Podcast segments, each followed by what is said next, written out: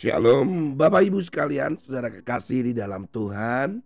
Kita akan membaca firman Tuhan hari ini yang terambil di dalam Amsal pasal yang ke-27 ayat yang ke-23 24. Kenalah baik-baik keadaan kambing dombamu, perhatikanlah kawanan hewanmu. Karena harta benda tidaklah abadi, apakah mahkota tetap turun-temurun? Ada orang yang berpikir bahwa udah nggak perlu susah-susah bekerja.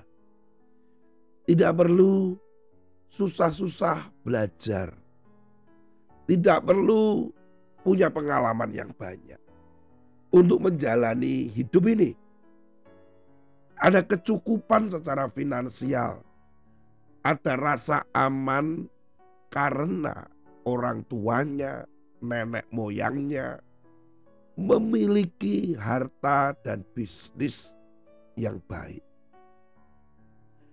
Firman Tuhan ini berkata bahwa harta benda itu nggak abadi.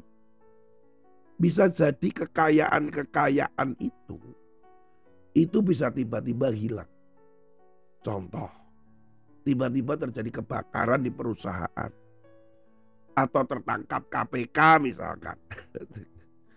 Karena terlibat korupsi dan sebagainya dengan pemerintah dan seterusnya. Saudara merasa aman. Termasuk pejabat.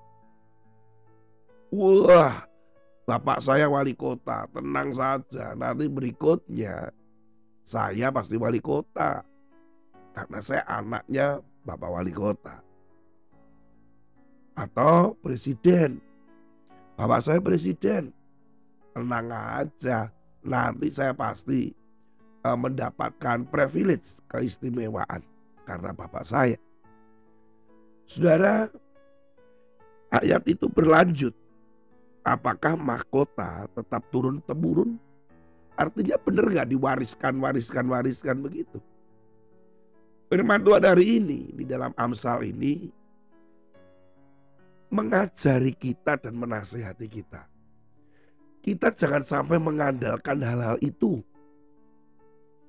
Kenyataannya banyak orang yang kaya, orang yang sukses. Itu tidak menurun kepada keturunannya, kepada anak cucunya.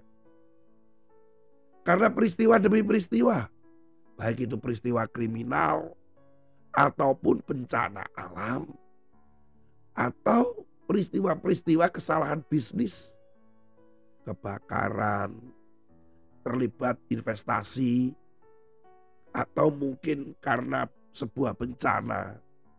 Jadi Amsal mengingatkan saudara dan saya bahwa kita tetap harus bekerja. Kita tetap harus belajar. Kita harus memiliki pengalaman kita harus memfokuskan kepada bisnis pekerjaan apa yang kita bisa tekuni, kita dalami. Kenalah baik-baik, kata-kata kenalah baik-baik itu sungguh-sungguh. Keadaan kambing dombamu itu berbicara satu pekerjaan, satu kepercayaan yang Tuhan berikan dari talenta-talenta yang saudara dan saya miliki. Ada yang ahli dalam keuangan, adalah ahli di dalam manajemen, ada orang yang ahli di dalam dunia kedokteran, gizi, pangan, hukum, ada begitu banyak. Saya dari lima bersaudara, mami saya itu pinter buat roti, makanan, pokoknya masakan lah. Papi saya itu ahli di dalam permesinan, ya, teknik mesin, elektro. Tetapi dari dua itu tidak ada satupun yang menurun ke saya. Saya tidak bisa buat roti. Kalau buat roti kayaknya akan nggak enak mungkin. Atau saya saya juga bukan ahli dalam mesin dan elektro. Saya lebih baik saya bawa barang yang rusak ke tukang servis reparasi. Atau kalau mobil sedang masalah ya saya bawa ke bengkel. Tapi saya nggak demikian. Dia ahli di situ. Gak ada tuh yang menurun. Yang lumayan menggambar lah. Papi saya itu pinter gambar, saya bisa menggambar. Nah, kalau saya berpikir bahwa kesuksesan dan apa yang ada pada papi mami saya itu menurun ke saya. Mestinya kan saya nggak perlu belajar, saudara. Gitu. Tetapi kenyataannya saya perlu belajar. Saya mengambil jurusan psikologi dalam perkuliahan saya nggak ada hubungannya dengan mami dan papi saya. Saya kemudian mengajar, sempat jadi dosen.